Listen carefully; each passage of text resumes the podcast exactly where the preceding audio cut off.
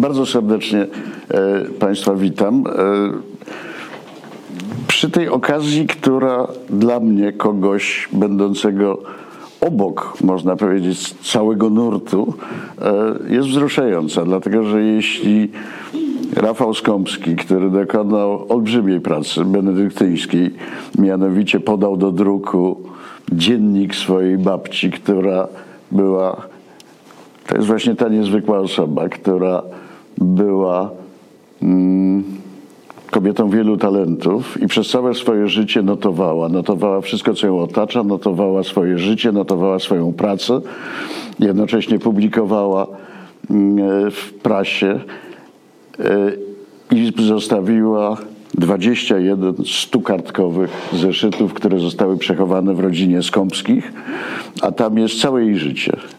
Całe jej życie, z czego duża część spędzona właśnie tutaj w Wielkim Łęcku.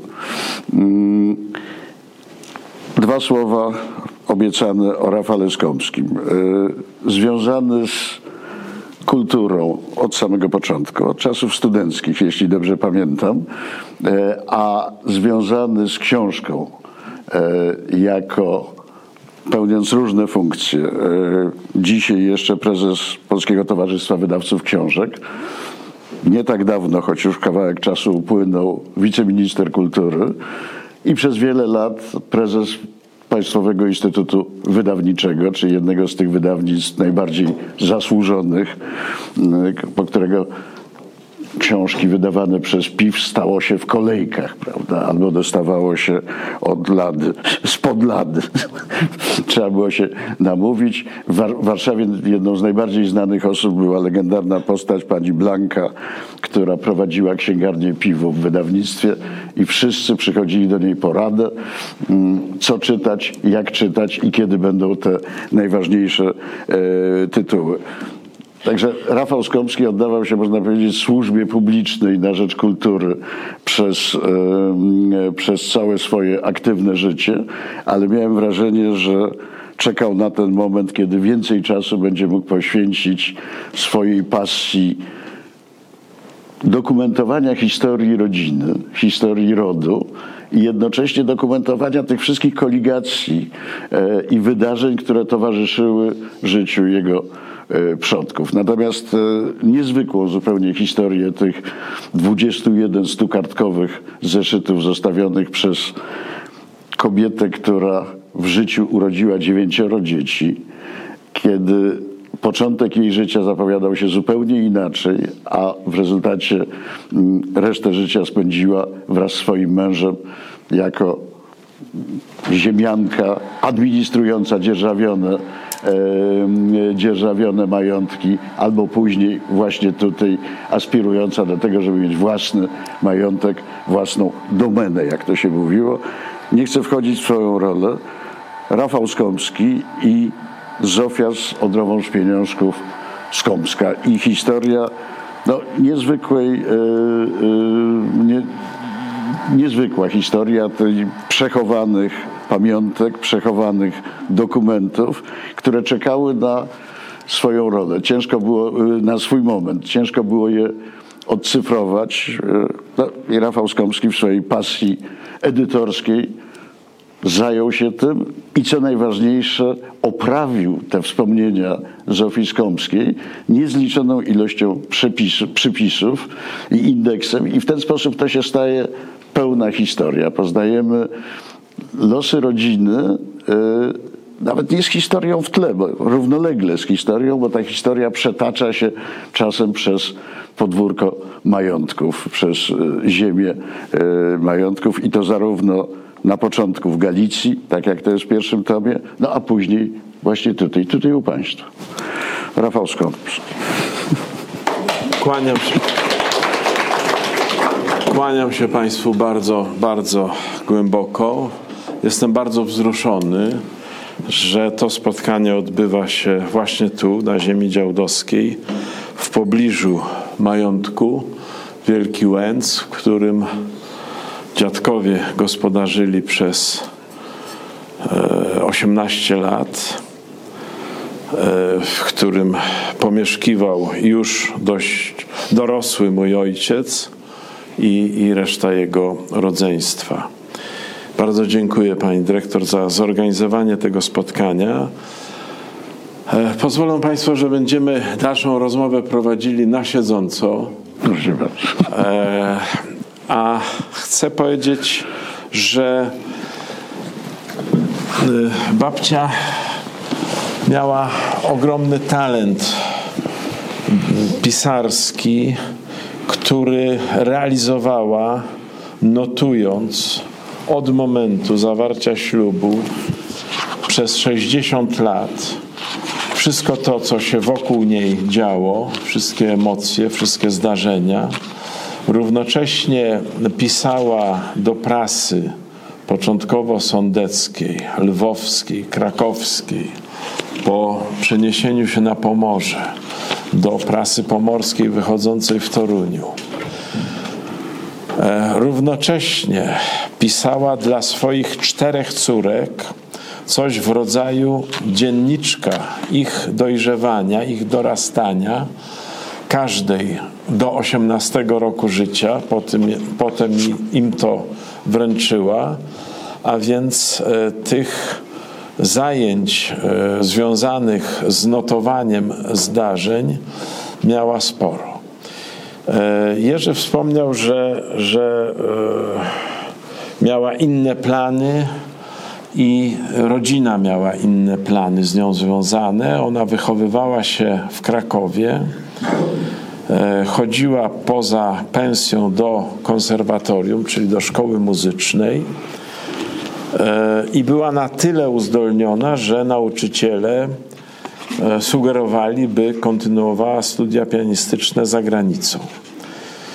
Ale zdarzyło się tak, że Najpierw zmarła jej matka dość wcześnie, a później ojciec, kiedy ona miała 16 lat. To znacznie, e, diametralnie zmieniło sytuację finansową i yy, trzeba było odłożyć na bok marzenia o tych studiach pianistycznych.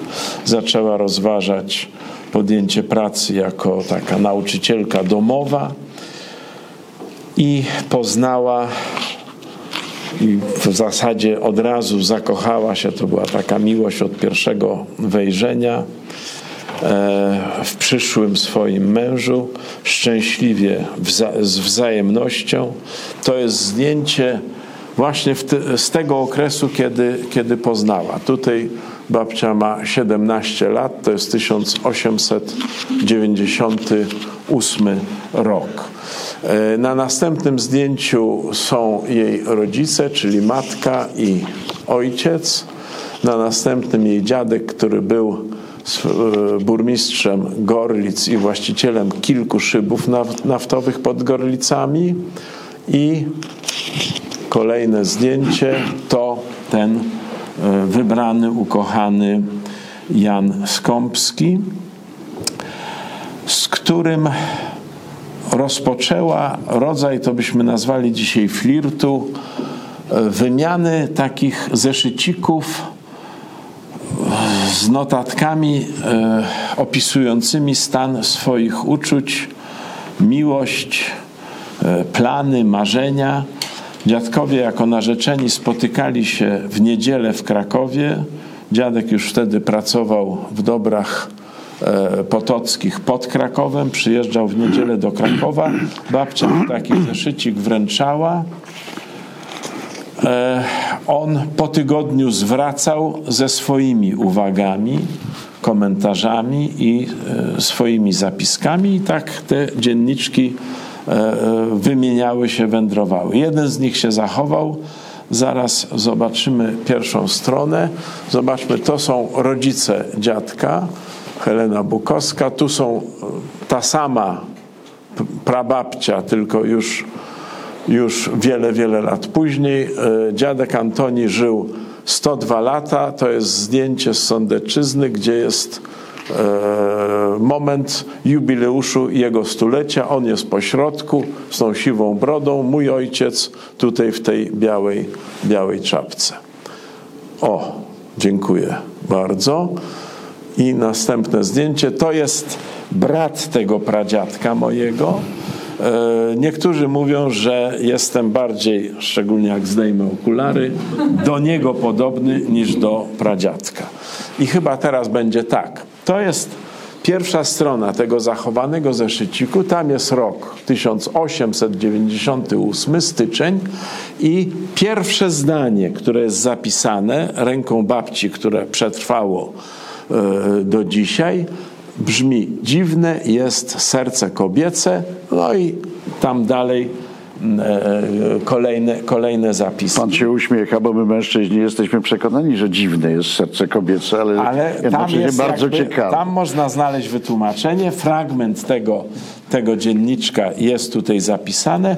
Uznaliśmy, e, mówię tu o wydawcy, o pani redaktor, że tak właśnie zatytułujemy e, tę serię książek Dziwne jest serce kobiece. Ja nie mogę się powstrzymać, dlatego że piękna jest, e, zapewne niektórzy z Państwa już czytali pierwszy tom, ale skąd to się wzięło i jaka to była panienka, e, to już ten fragment, jak poznaję swojego, jeśli pozwolisz. Bo Pozwalam. Nie mogę się oprzeć. Rok 1899. Matura w czerwcu, a ja 2 stycznia z kuzynką mych ciotek, ciocią Felą Dębińską, miałam pójść na wystawę sztuk pięknych, ale przedtem do kościoła mariackiego na mszę świętą na 12 w południe. W czasie mszy jedno spojrzenie w oczy czarne, bardzo przystojnego, wysokiego, młodego bruneta i myśl, przeczucie, poznam tego człowieka i on zostanie moim mężem. Tak się stało. Dziwne jest serce kobiece. E, I żal, że od razu przekonaniem tym nie mogę podzielić się z Ireną, która znała niemal każde uderzenie mego gwałtownego serca.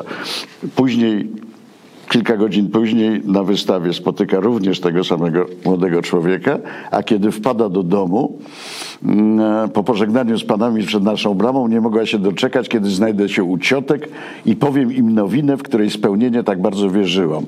Ciotki moje wraz z siostrą Janiną zasiadły już do obiadu. Ja wpadłam przez kuchnię jak bomba i jednym tchem wyrzuciłam. Poznałam młodego człowieka, bardzo przystojny i z pewnością się ze mną ożeni. Co, co ty mówisz? Jak się, jak się nazywa? Nie wiem. Wiem tylko, że z pewnością ma na imię Stanisław. Czym jest? Pytają ciotki. Ależ nie wiem. Odpowiadam, jakby to była sprawa drugorzędna. Gdzie mieszka? Też nie wiem. Wiem tylko, że mnie z ojcem odprowadził i że na pewno się ze mną ożeni. Nie nazywał się Stanisław. Babcia e, kochała się platonicznie w jakimś Stanisławie wcześniej i uważała, że każdy, którego będzie kochała, powinien nazywać się Stanisław. Dziadek nazywał się Jan. E... Pokażmy następne zdjęcie. To jest pierwsza strona e, pierwszego z tych zeszytów, 21 stukartkowych. E, swego czasu jedna z moich e, znacznie starszych sióstr stryjecznych zaczęła próbować odczytywać z, z, mizernym skutkiem. Dużych partii nie mogła przeczytać, część tylko przepisała niewielką na maszynie. Potem okazało się, że dla mnie ten charakter pisma jest dość łatwy do odczytania, szczególnie kiedy wróciłem drugi czy trzeci raz do czytania, to stwierdziłem, że w zasadzie odczytuję wszystko. Czasem się zdarzały jakieś pojedyncze słowa, których nie mogłem odczytać. Postanowiłem to przepisywać dla swoich potrzeb, potrzeb moich najbliższych. E, ja e, straciłem ojca, kiedy miałem 12 lat. Babci prawie nie znałem. Widziałem ją trzy razy w życiu. To były krótkie jakieś spotkania. Więc czytanie tych zapisków pozwoliło mi na poznanie, na wgłębienie się w historię rodziny mojego ojca, dowiedzenie się tego wszystkiego, czego ojciec nie zdążył mi opowiedzieć. A potem, kiedy coraz więcej było przepisanego tekstu, e, zaczynało to nas z tymi kilkoma osobami najbliższymi, które to poznawały, na tyle wciągać, że stwierdziliśmy, że trzeba spróbować to pokazać komuś spoza rodziny i sprawdzić, czy to, czy to wzbudzi zainteresowanie. I rzeczywiście tak się stało, otrzymaliśmy takie potwierdzenia. Ale chciałbym Państwu przeczytać fragmencik z tomu pierwszego, potem już się będziemy skupiać na, na tym, który dotyczy Pomorza i Wielkiego Łęcka, bo tu jest dość, dość zabawny, szczery zapis sytuacji babci w roku, no w pierwszym roku małżeństwa, kiedy ona jeszcze próbowała realizować się troszkę jako właśnie ta pianistka, kiedy zaczynała pisanie, a przecież już miała wdrażać się w różne gospodarskie obowiązki. Mąż mój bardzo lubił muzykę, jednak uznawał, że jedynie wieczór po skończonych pracach nadaje się do muzyki. Muzykę traktował jako odpoczynek. Granie na fortepianie w dzień na wsi według niego wpływa demoralizująco na otoczenie, które nie rozumie muzyki i uważa, że państwo mają zawsze czas na takie rozrywki. To samo było ze śpiewem. Zastosowałam się więc do tego. Wyjątek stanowił przyjazd gości. Podobnie było z moim pisaniem. Nieraz byłam aż cała naładowana pomysłami, przeżywałam w głębi sceny całe, a zasiąść do pisania nie mogłam. Czyniłam to jedynie, gdy męża nie było w domu, naturalnie po wypełnieniu moich obowiązków. Mijały dnie i tygodnie, a ja do pisania nie mogłam zasiąść. Przez całe również życie nie nauczyłam mego męża tego, bym ja mogła położyć się później niż on. Gdy on szedł spać i ja musiałam. No i broń Boże, bym w łóżku świeciła świecę i czytała.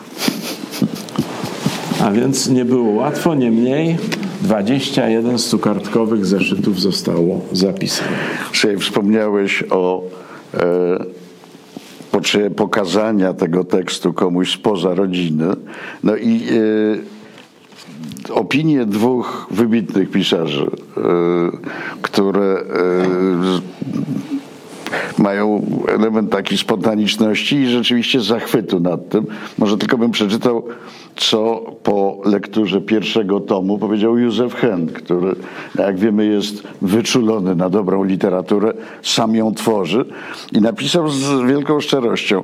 Ta książka mnie zaskoczyła. Obawiałem się pamiętnikarskiego narcyzmu, pretensjonalności stylistycznej, zamierzchłej bigoterii, słowem nudziarstwa. A oto czytam i nie mogę się oderwać. Wiele się od Zofii Skomskiej dowiedziałem. Nie tylko, że dziwne jest serce kobiece, to nic nowego, ale i obfitujące w tajemnice, które lekkomyślnie ujawnia.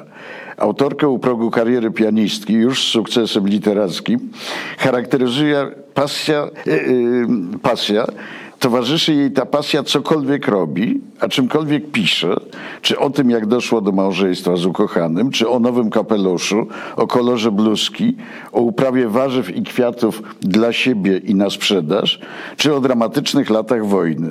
Wiele regularnie sporządzanych dzienników spłonęło, niektóre szczęśliwie, bo mogły grozić jej życiu. Wiele odtworzyła z pamięci, dar dla nas, dla czytelników. I rzeczywiście to jest, e, zwraca na to uwagę Józef Hen, e, że prawie każdy rozdział, każdy ten zeszyt, który podałeś do druku, to jest opis e, kultury, cywilizacji, obyczajów, języka tamtych czasów. Nie musimy sięgać do tomów historii, do książek historycznych, tylko mamy żywą relację żywej osoby. E, I jeszcze może tylko słowo Eustachiego Rylskiego, który zwraca uwagę na inny aspekt tego i pisze wspomnienia Zofii Skomskiej z dwóch pierwszych dekad XX wieku. To interesująca historia rodzinna rozprawiająca się z uporczywą opinią o polskim ziemiaństwie jako klasie próżniaczej. To książka o patriotyzmie rozumianym jako norwidowski obowiązek, odporności na razy zadawane nam przez życie, mądrej odpowiedzialności za bliskich wraz z ambicją bycia nie tylko żoną i matką, a także ciężkiej pracy od świtu do nocy, jakiej większość z nas by nie sprostała. A w tle zachwyt nad pięknem Nowosądecczyzny, który dzielę wraz z autorką nie tylko dlatego, że się tam urodziłem. To jest, to jest opinia do, y, dotycząca tomu pierwszego. E, ale też chcę powiedzieć, że dodawał Eustachy Rylski na spotkaniach, e, w których uczestniczył, promocyjnych tej książki, że oczywiście wśród klasy ziemiańskiej zdarzali się próżniacy, ale wówczas tracili oni z tego powodu właśnie, że byli próżnia, próżniakami majątki. Majątki popadały w długi, albo jeśli byli utracjuszami, to je przegrywali po prostu. E, zobaczmy jeszcze kilka zdjęć z tego okresu sądeckiego. Tu takie dla nas w rodzinie bardzo e, piękne zdjęcie młodych, młodych e, małżonków z 903 roku. Potem babcia na ganku dworu w Brzeznej. To jest dwór E, to był dwór e, własnością Adama Stadnickiego, wielkiego obszarnika z południowej Polski, właściciela przede wszystkim ogromnych połaci lasów e, ale miał też kilka majątków i w tym, w tym majątku dziadkowie gdzie, e, mieszkali od 908 roku do 20 przez 12 lat. W Łososinie Dolnej w poprzednim majątku zaczął pracować e, pan Maciej Bodziany, e, który, który w zasadzie przez cały okres był związany z naszą rodziną, bo gdy przenieśli się, przenieśli się dziadkowie na Pomorze, niedługo potem także z rodziną tu przyjechał. E, obie strony siebie potrzebowały i chciały, i chciały kontynuowania mm, tej relacji. E, z ogromnym wzruszeniem e, poznałem jakiś czas temu już wnuka Janka Murawskiego. E, teraz poznałem dzisiaj wnuczkę po, po, po Katarzynie. To, to jakby jest przeniesienie tych relacji. Tak, tak mi się wydaje, że tak coś między nami się zaczyna, taki rodzaj, rodzaj sympatii, przyjaźni, jaki, jaki był przed laty pomiędzy naszymi e, dziadkami. E, kolejne zdjęcie jest z autorstwa fotografa amatora, bardzo znanego na Sądecczyźnie, Wojciecha Migacza, który sam sobie konstruował aparaty fotograficzne i tu mm, jest, jest, stoi babcia, siedzi po lewej stronie mój ojciec i dziadek z resztą, z resztą rodzeństwa mojego ojca. I y, my robimy, y, organizujemy co kilka lat tam na Sądecczyźnie zjazdy rodzinne. Być może Rozmawialiśmy o tym z panią dyrektor. E, kolejny zjazd potomków Zofii i Jana Skąpskich zorganizujemy tu e, i, i, i też będziemy, można zdjęcie następne, bo tu jesteśmy właśnie e, na ganku tego dworu w 97 roku. Ten, ten czarnowłosy mężczyzna w białej koszuli, to dzisiaj jestem ja siwy. A następne zdjęcie to, to jest właśnie taka grupka pierwszego zjazdu. Łącznie, łącznie tych potomków małżeństwa Skąpskich jest 125 osób. Część oczywiście, oczywiście już nie żyjąca, ale ale e, e, wciąż pojawiają się nowi członkowie rodziny. I, i teraz będzie Wielki Łęck, pierwsze zdjęcie z Wielkiego Łęcka. E, państwo zapewne doskonale o tym wiedzą, że w roku 20 E, te tereny zostały przyłączone do Polski. Niemcy, Niemcy oddali część powiatu brodnickiego. Majątki były zostawiane przez Niemców i była cała akcja osiedleńcza. E, przede wszystkim osiedlano wówczas osoby zasłużone, niekoniecznie posiadające praktykę lub wykształcenie rolnicze e, osoby zasłużone w regionach, w czasie I wojny, w czasie wojny z bolszewikami. E, trochę to tak jak dzisiaj obsadza się spółki Skarbu Państwa. E, dziadkowie byli w mniejszości tych, którzy no, mieli doświadczenie rolnicze. Dziadek miał. Mało tego, olbrzymie doświadczenie rolnicze, czego dowodem są różne e, świadectwa w pierwszym tomie. E, kiedy sięgał po specjalistów z Uniwersytetu Lwowskiego i Jagiellońskiego w sprawie hodowli, żeby stosować najnowocześniejsze metody, a, pa, a pani Zofia nie zdawała się na już sprawdzone rzeczy, tylko sama zamawiała. Jest cały opis, kiedy odkryła słoiki Weka. I sama zamówiła bezpośrednio z zagranicy, żeby móc tworzyć przetwory na potrzeby domu i na sprzedaż. I są nawet ceny, ilości, ile udało się zrobić i tak dalej. Także jesteśmy świadkami e, zarządzania nowoczesnym gospodarstwem. Po kilku miesiącach bardzo trudnych starań o, o przydział majątku, no, majątku, za który tak czy tak było trzeba zapłacić albo gotówką, albo w ratach, eee, i paru takich próbach podejścia do jakichś konkretnych majątków, co się nie udawało. Wreszcie, pisze babcia, mojemu mężowi dali do wyboru Wielki Łęck 3600 murk z folwarkami Morycówka i Radynki lub górę w powiecie lubawskim.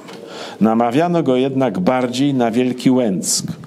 I tu jest przypis, że według księgi adresowej gospodarstw rolnych, do których ja dotarłem, wydanych wydanej w Toruniu w 1929 roku jest zapisane: Majątek Wielki Łęck liczy łącznie 919 hektarów, w tym ziemi ornej 630, łąki pastwisk 257, lasów 20, nieużytków 11. Wód 1 w majątku prowadzona jest zarodowa hodowla konia szlachetnego półkrwi. Eee, w latach 30. E, była reforma rolna, w drugiej połowie lat 30., przeprowadzona e, przez ministra Poniatowskiego, e, gdzie parcelowano te największe majątki. Majątek zarządzany przez dziadków został bardzo zmniejszony, ale nadal był, był to duży, duży majątek 300 hektarów. I te, y, te, w wyniku tych parcelacji duża część y, pracujących w majątku otrzymała, y, otrzymała ziemię i tak zwane domy poniatówki, to nie muszę tego Państwu tłumaczyć, dzisiaj, dzisiaj takie domy oglądaliśmy razem. I dalej babcia pisze do stacji Płośnica. Przyjechaliśmy wczesnym rankiem, miały tam na nas czekać konie z Wielkiego Łęcka. Wysłano maleńki wózeczek o jednym siedzeniu, także ledwo z walizką e, i chłopakiem powożącym pomieściliśmy się. Dowiadujemy się, że w Wielkim Łęcku jest kościół na miejscu. Zapytuję chłopaka, czy ładny jest dwór. Ten mi na to odpowiada – pałac ta zanadto ładny nie jest. Tu jest opis tego zdjęcia na odwrocie. E, Gidron, tak nazywał się ten koń i dopisek ogier rozpłodowy Wielki Łęck. Takie zdjęcie się zachowało Wysoki. i to są jedyne zdjęcia budynków, które mamy w rodzinie. To jest 97 rok i to jest ta oranżeria od od, od, znaczy dwór od strony oranżerii i jeszcze dwa chyba zdjęcia są. To jest Antoniówka tak zwana. W tej chwili chyba jest jej połowa tylko. Czyli to jest taki budynek wybudowany przez dziadków dla najstarszego syna Antoniego, gdy się żenił. I, I to znowu jest od strony, od strony tej oranżerii.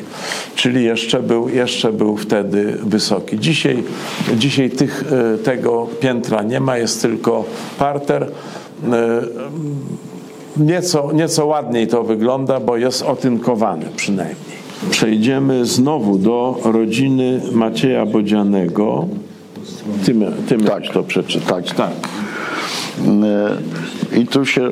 Rok 22. Rok 22. W styczniu przyjechał Maciej z rodziną. Zachwycony jest swym mieszkaniem, bo ma ładne dwa pokoje w domku porządnym, krytym dachówką, położonym przy szosie. Piece są kaflowe. W domu tym mieszka sama arystokracja, kowal szczepański i kucharz. Maciejowa też jest zadowolona, jedynie starsze córki wychowane w Małopolsce, takie sądeckie dziopy w swych ubraniach ludowych, czują się obco między pannami w kapeluszach i jedwabnych na niedzielę pończochach, jak i pantofelkach na wysokich obcasach. Tęsknota gnaje w strony rodzinne. Halka i Zosia, moja chrzestnica, uciekają w sądeckie do ciotki i wujka w Łososinie Dolnej. Nie pomaga wyprawa matki po nie, młodsze córki Janka i Kasia i najstarsza Maryśka asymilują się na Pomorzu, przyjmują kulturę bytu niemiecką i wkrótce przemieniają się na panny w beretach. Maciej urzęduje w kuchni Szmideków. To są, to są byli, byli właściciele yy, Niemcy.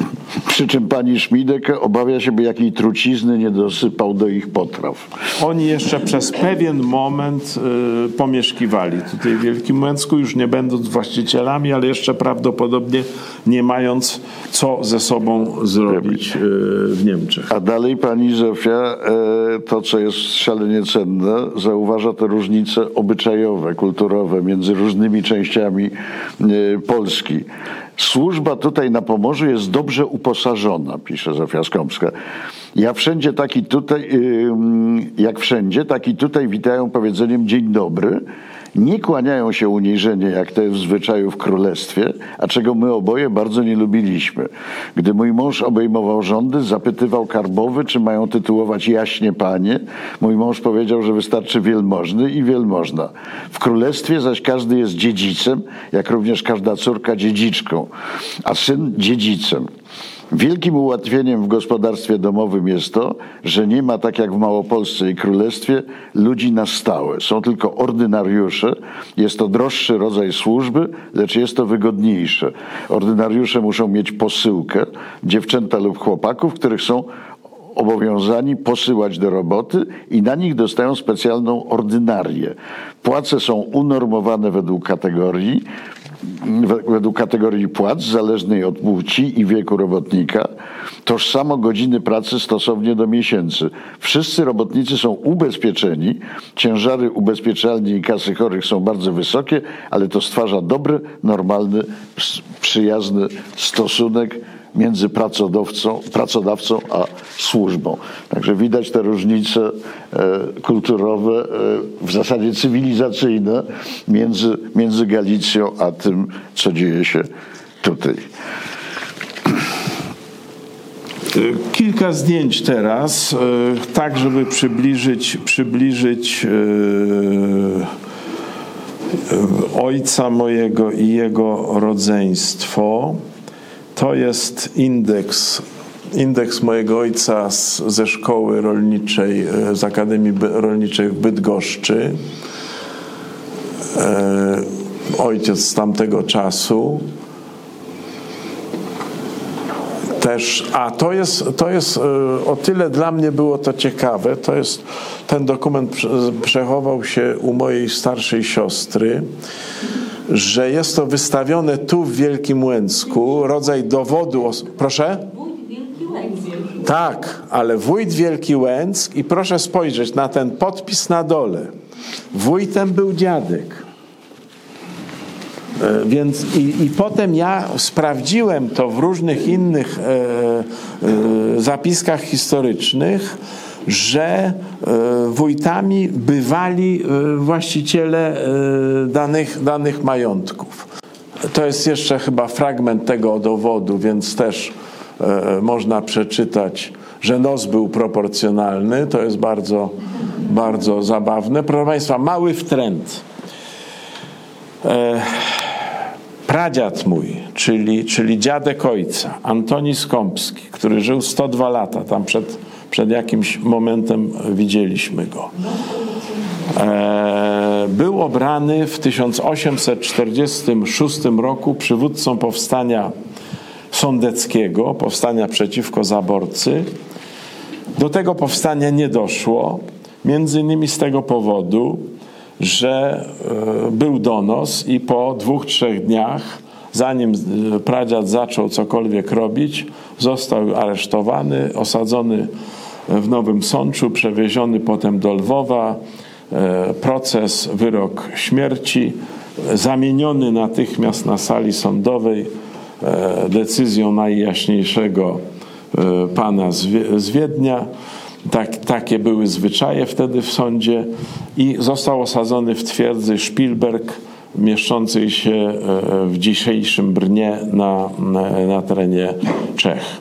Kiedy byłem e, wiceministrem kultury, była jakaś narada właśnie w Brnie ministrów e, krajów wyszehradzkich, Grupy Wyszehradzkiej i zapytano mnie, co chcę robić w czasie wolnym. Czy pójść do teatru, czy do opery, czy zwiedzać wystawę, czy zwiedzać miasto. Ja powiedziałem do więzienia.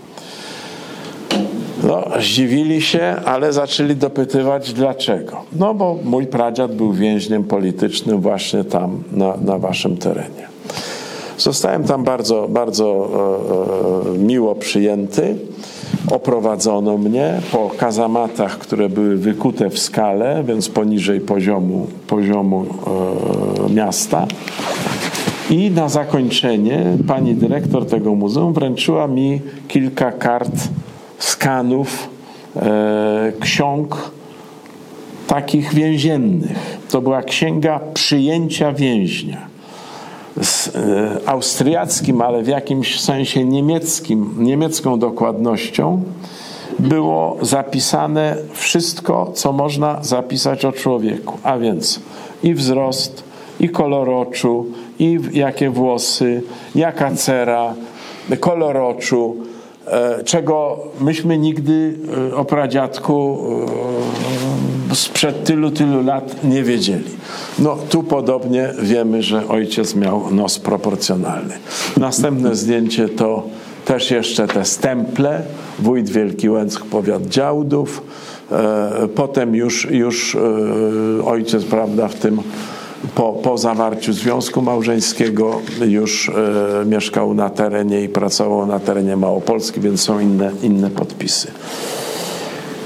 E, opracowując te pamiętniki, dowiedziałem się, że ojciec oświadczył się e, siostrze jednego właściciela jednego z sąsiednich majątków jaworskich z Augustowa, Augustowo, tak się ten majątek nazywał.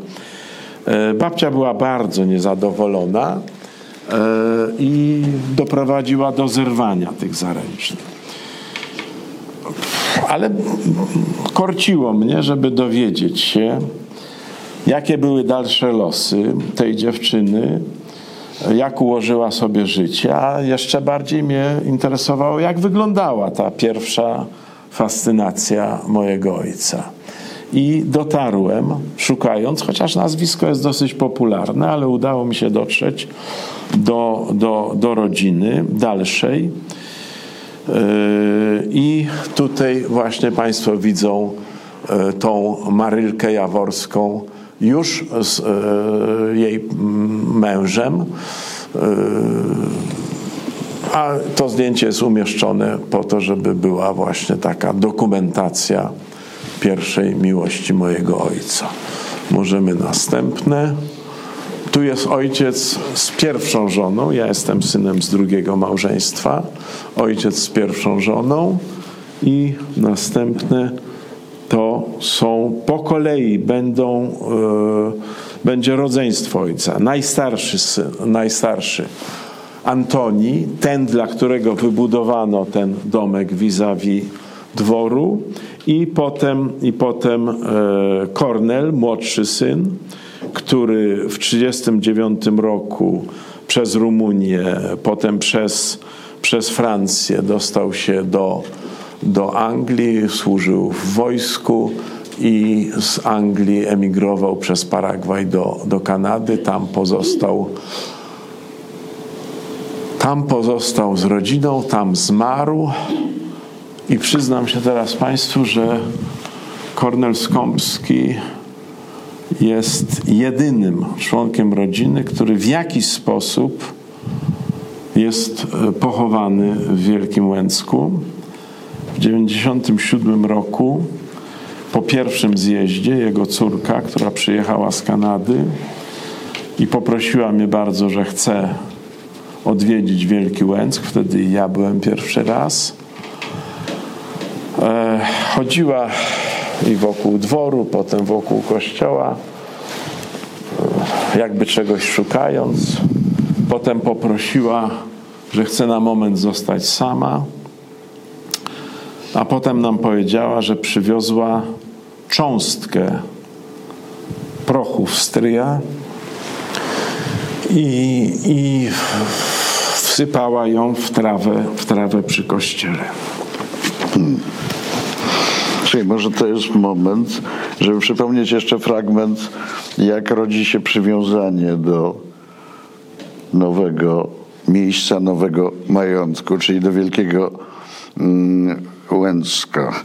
E, Zofia Skomska pisze, mąż, mąż mój roz, rozpatrzywszy się w ziemiach płodozmianie, uznając wielki głód ziemi gospodarzy z Wielkiego Łęcka, postanawia folwark Morycówkę poddzierżawić z warunkiem, że poddzierżawcy będą go gospodarowali wzorowo, w przeciwnym razie zostanie im ziemia odebrana.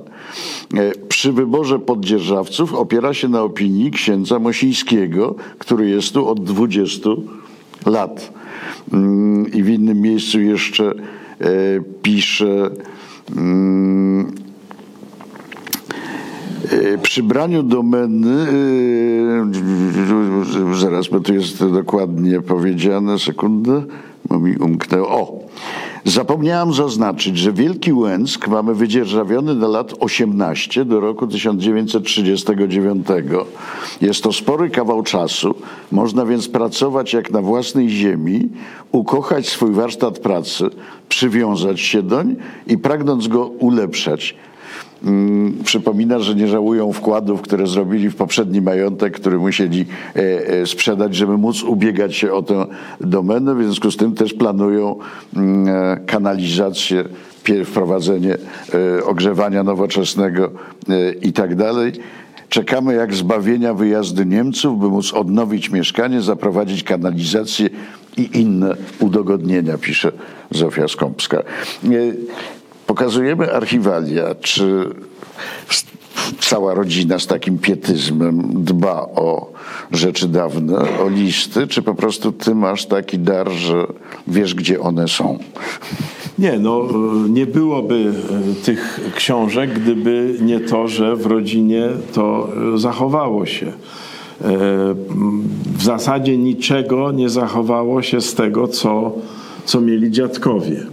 E, dojdziemy do tego, w jaki sposób oni opuszczali Wielki Łęck e, już po, po, po agresji niemieckiej, ale rzeczywiście no, w rodzinie to pewne, pewne dokumenty są przechowywane, choć nie zawsze ze świadomością, że one są. Trzeba czasem e, bardzo usilnie starać się, żeby ktoś z rodziny zechciał szufladę otworzyć i coś wyciągnąć, coś pokazać i pożyczyć do zeskanowania. E, więc... Czyli mają do ciebie zaufanie, to jest e, najważniejsze. Przełamuje się, to się przełamuje. To jest zresztą w takich momentach e, warto pomyśleć o sobie, o swojej rodzinie, o, o dziadkach, o porządkowaniu domów, zwłaszcza po odejściu e, dziadków czy, czy czasem rodziców, bo rzeczywiście e, Czasem nie wiemy, co jest między książkami, co jest w jakimś pudełku, a to jest kawał historii. Także coś nie, nie w każdym domu można znaleźć 21 stukartkowych zeszytów, tak, ale, e, ale... ale możemy znaleźć listy, które tak uzupełniają. Przecież w drugim tomie publikujesz szereg listów, e, szalenie istotnych. Intencją też moją, oczywiście pierwszą jest to, żeby, żeby e, te pamiętniki były dostępne publicznie, ale jedną z takich dodatkowych intencji jest to, by przekonać czytelników do tego, zachęcić czytelników do tego, by w swoich zbiorach e, robili porządki, by w swoich zbiorach e, opisywali zdjęcia, by przekazywali wiedzę o przeszłości kolejnym pokoleniom.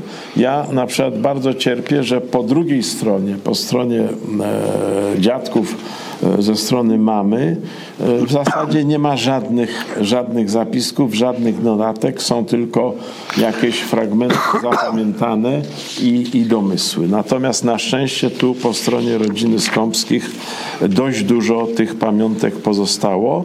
Teraz e, szybciutko pokażemy e, jeszcze e, zdjęcia z okresu Wielkiego Łęcka sióstr mojego ojca. E, od najstarszej Zofia, e, zapamiętana tu jako dziewczynka, która straciła niestety, tak, tak mm, zachorowała, straciła włosy i tu, tu już jest w peruce. Halszka, e, potem Ewa, Kostec, Ewa po mężu Kostecka i najmłodsza Wandzia. Ewa, Ewa tu brała ślub. Ewa tu brała ślub i Następne zdjęcie to są e, następne dwa zdjęcia. To są zdjęcia z e, dziewcząt, które były na praktykach. Babcia prowadziła przez kilka lat takie praktyki, taką, taki rodzaj nieformalnej szkoły e, gospodarowania dla dziewcząt, e, które, które były tym zainteresowane, ale to przede wszystkim decydowali rodzice.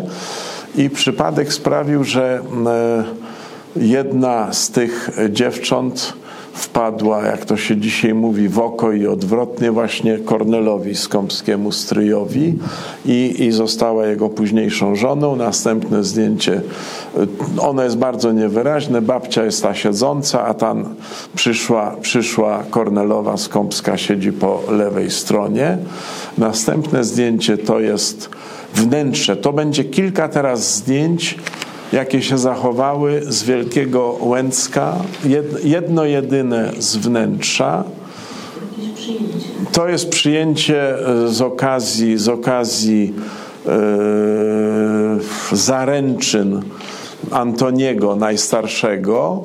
Yy, mój ojciec jest pierwszy z prawej, babcia po środku. To jest yy, Halszka, czyli Elżbieta z mężem Janem Romanem i tu, tu gdzieś w Wielkim Łęcku. Następne to jest chyba też oni, tak, stoją gdzieś w, w ogrodzie. Kolejne też dziadek, dziadek w kapeluszu, ojciec w mundurze. No też takie gdzieś w ogrodzie w Wielkim Łęcku i I kolejne to jest bal w Działdowie. Kilka razy babcia wspomina takie bale. Dziadek stoi tutaj e, czwarty od, od lewej. E. I dwa zdjęcia e, dla mnie bardzo, bardzo ważne. Może nawet nie tyle ze względu na strój, w jakim dziadkowie są, to jest 26 rok. Dziadkowie tak się ubierali na, na bardzo ważne uroczystości, albo 11 listopada, albo 3 maja, albo śluby córek. Ale dlaczego to jest ważne? Bo zrobił to zdjęcie objeżdżający Pomorze w 26 roku no, jeden z najwybitniejszych przedwojennych, powojennych też przez, przez kilka lat hmm. żył po wojnie fotografów, Jan Bułhak i, i y, babcia też w tym takim stroju teraz. Następne zdjęcie we, wnę, we wnętrzu y, dworu w Wielkim Łęcku. Y, nie pamiętam teraz, w którym to było roku. W każdym razie w, w Bydgoszczy była wystawa. Wystawa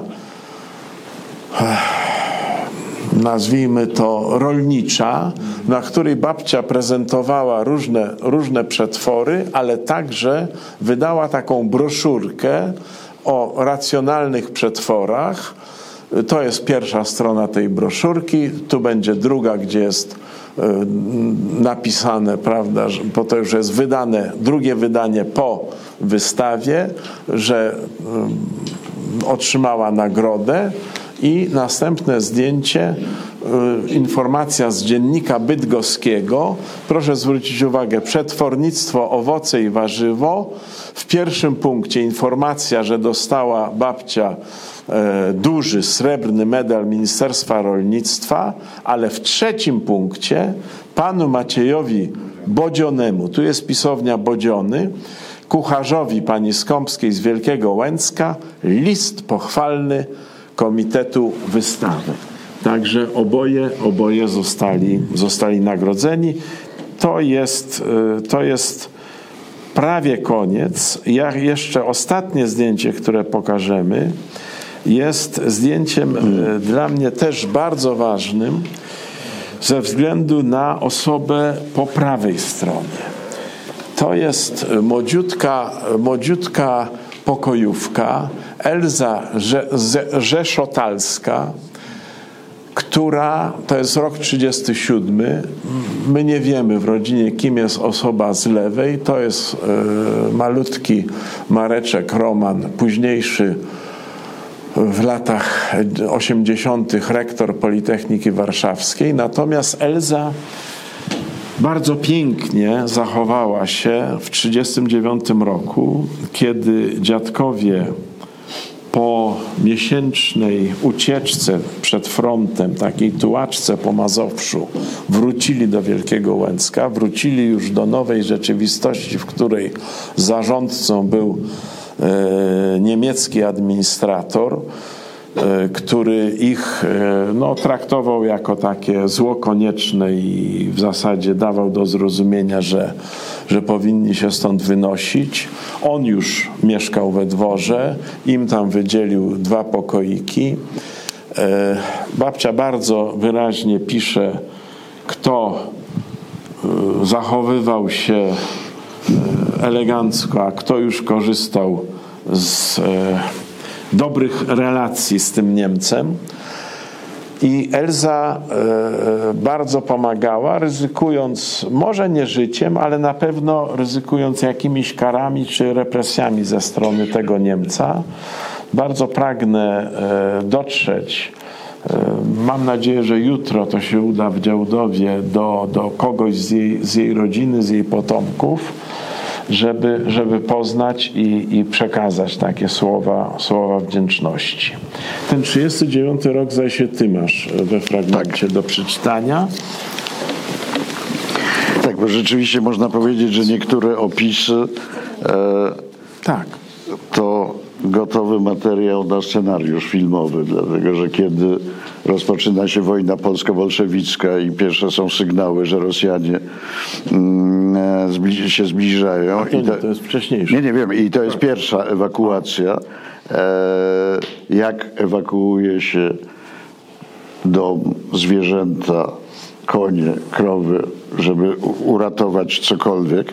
E, no, a potem przychodzi rok 39 choć ten sierpień, zresztą wszędzie w Polsce był dość do pewnego momentu radosny, dlatego że była piękna pogoda, e, byli tacy, którzy nie wierzyli w wojnę, a jeśli to krótką. I Zofia Skomska notuje coraz głośniejsze echa przyszłej wojny i naturalnie coraz śmielsze nadzieje pobicia wroga.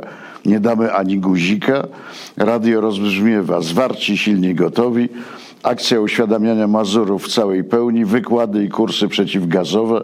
Wojna będzie krótka, kilkutygodniowa, lotnicza. Schrony przeciwgazowe, maski itd. to najważniejsze problemy. Akcja przeciwszpiegowska. Wizyta marszałka Śmigłego Rydza w Toruniu wypadła w 1939 roku. Brałem udział w delegacji jako przewodnicząca ziemianek pomorskich i we wręczaniu artystycznego adresu w sali rycerskiej w ratuszu. Zrobił na mnie bardzo miłe wrażenie. Przy uścisku szczerym dłoni spojrzał przenikająco w me oczy, jakby chciał sobie wbić w pamięć przedstawicielkę kobiet ziemianek. Dla każdej z nas znalazł ujmujące słówko. Mm, mam znowu w 1939 roku moc zajęcia.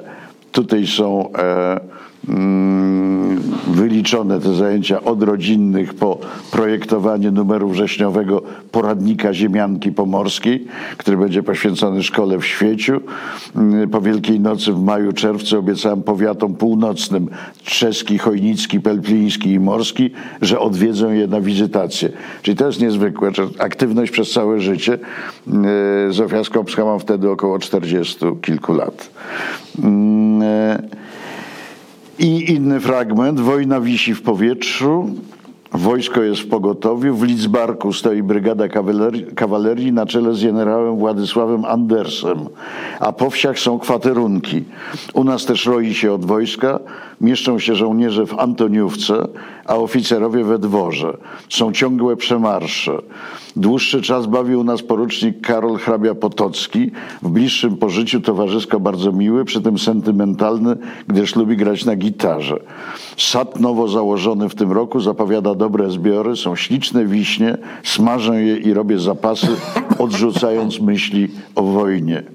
W Lidzbarku co niedziela niemal w pięknym lesie w Leśniczówce odbywają się zabawy z udziałem kawalerii i samego generała Andersa, który rozrywką nie gardzi. Jesteśmy na jednej takiej zabawie 15 sierpnia. Są też i z sąsiedztwa państwo pankowscy i stodolscy. Kolację jemy przy jednym stole z Andersem. Mnożą się obchody, wiece i rozbrzmiewają pewne pełne pewności okrzyki na Prusa, na Prusa, zwarci, gotowi, silni, nie damy ani guzika. Czyżby?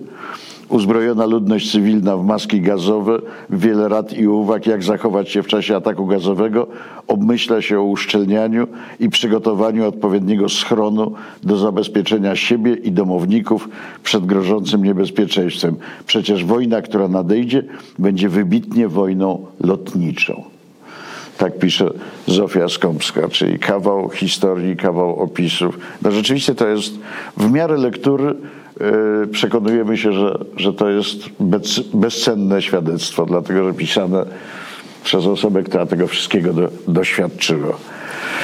Proszę Państwa, Ile czasu zajęła Ci praca nad wydaniem to jest, obu tomów. To jest bardzo trudno e, policzyć, dlatego że można zacząć liczyć od momentu, kiedy zacząłem przepisywać, nie myśląc o wydaniu, lub od momentu, kiedy zacząłem opracowywać do druku, czyli y, czytać uważnie już ten maszynopis w komputerze, opatrywać przypisami.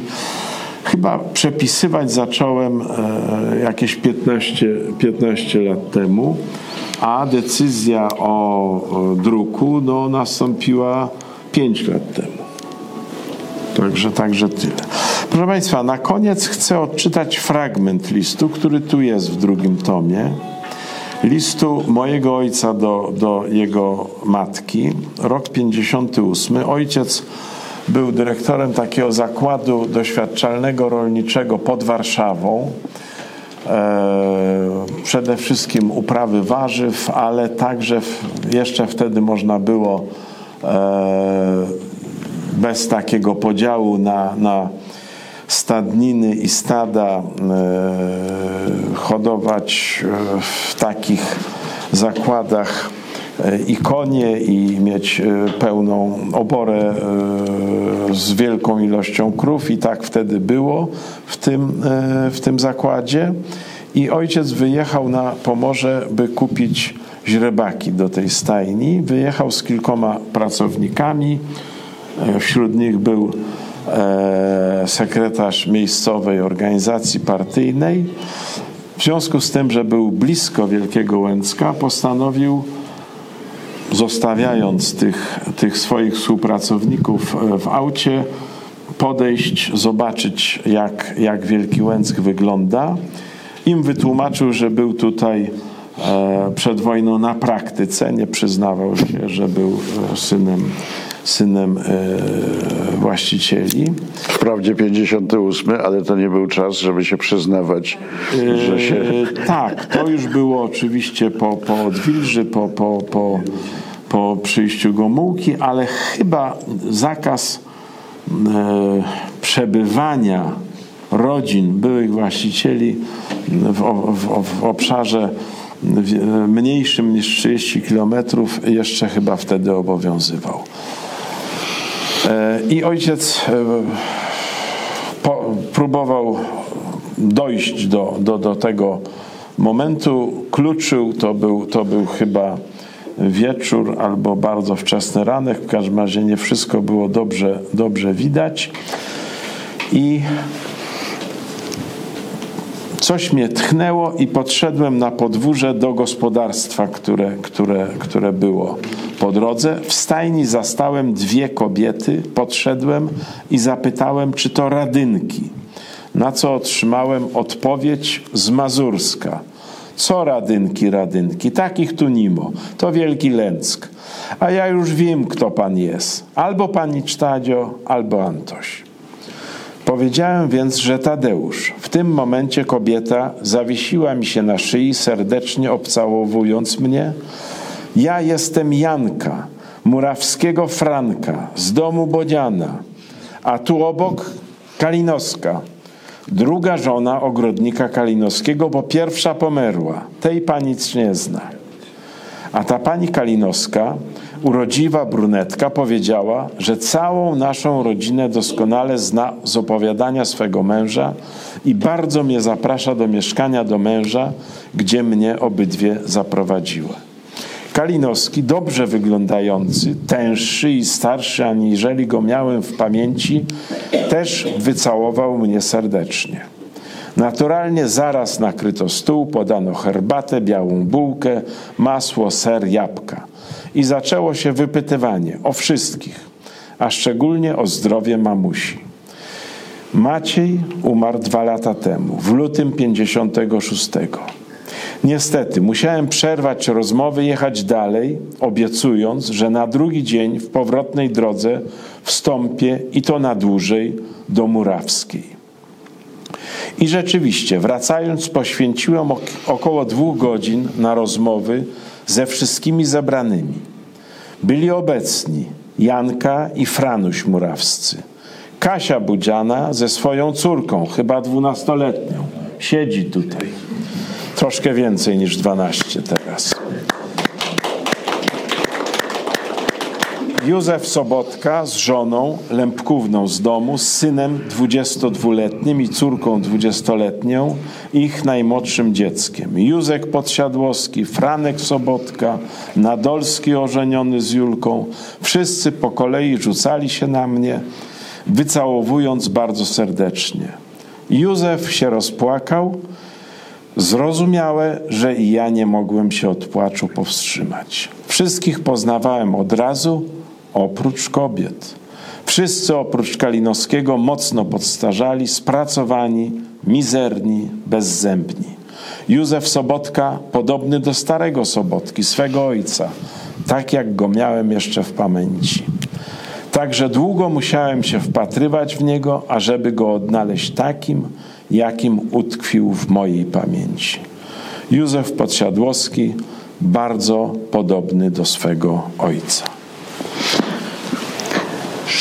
Jeśli pozwolisz, to spoza tych dwóch książek, pod wpływem tego, co mówiliśmy, ten 58 i ta, mm, e, ta scena wzruszająca, e,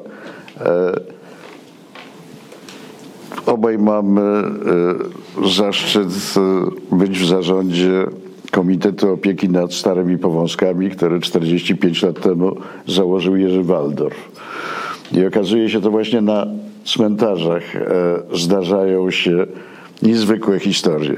Kiedyś, kiedy prowadziłem ekipę telewizyjną, która chciała zobaczyć tą najstarszą część cmentarza i tak dalej, i zaprowadziłem im na szczególny grup. E, my w żargonie konserwatorów nazywamy to grobem kosiarza. Otóż e, kiedy pierwszy raz tam trafiłem, to w ogóle się przestraszyłem, bo stoi tam sylwetka rozmiarów jeden do jednego, człowiek nawet wyższy. I co się okazuje? Jest to sylwetka człowieka z kosą. Wprawdzie kosę kradną mu co kilkanaście lat e, złodzieje. Odlana z brązu. Dominująca nad tym grobowcem, a na dole jest popierzcie właściciela ziemskiego. Bo okazuje się, kiedy zmarł ten ziemianin, a ten jeden z najwierniejszych i najdłużej pracujących w majątku ludzi dowiedział się o tym, kiedy kosił, na polu umarł na serce. Jak się mówiło wtedy, pękło mu serce. I proszę sobie wyobrazić, kiedy opowiadałem tą historię przed, e, przed kamerą, pan, który porządkował grup, a był to właśnie koniec października, czy połowa października, powiedział, mówi, ach, proszę państwa, mówi, to nie tylko oni. I opowiedział nam historię swojego ojca, który na Mazowszu również był ziemianinem, prawda, dzierżawił, no tak jak skopscy i tak dalej.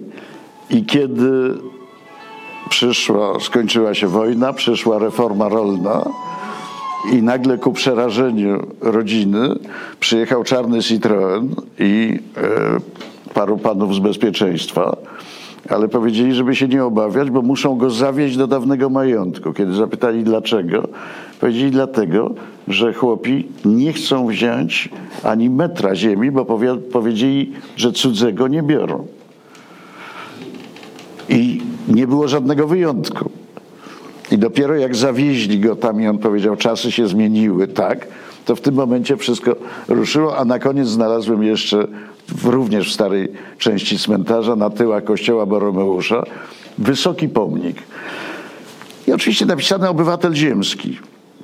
Zastanawiałem się, kogo przedstawia, tym bardziej, że to jest zacienione miejsce, kogo przedstawia figura na, duża figura na tym cokole. A tam jest po prostu dziewczyna, która trzyma snopek kłosów w ręku. Czyli tak wyrażona wdzięczność właściciela czy dzierżawcy dla tych, którzy, którzy tą pracę wykonywali. Bo przecież umówmy się, jeśli mówimy o 300 hektarach, przy tamtym poziomie mechanizacji, niewyobrażalna praca. Prawda? No w ogóle no, Maciej Bodziany jest e, obok e, najbliższych członków rodziny jednym z głównych bohaterów obu tomów. Jest to niezwykle barwna postać, niezwykle sympatyczna. E, ja, ja pamiętam z dzieciństwa, że ojciec mi właśnie opowiadał, że był taki taki bardzo kochany przez, przez, e, przez niego i przez jego rodzeństwo mm, kucharz Maciej, że biegali za nim i, i prze, przekomarzali się Macieju, Macieju, czy będą kluski na oleju? E, i i moja siostra przyrodnia Wspominałem o tych dwóch małżeństwach ojca. To oczywiście zawsze się kładzie jakimś tam cieniem na, na relacje, ale dzisiaj ja mam no, wspaniałe relacje z obydwiema moimi siostrami przyrodnimi. Moja siostra przyrodnia w 62 roku, kiedy urodził jej się synek, e, absolutnie świadomie, absolutnie z przekonaniem nadała mu imię Maciej, na, na cześć e, Twojego dziadka.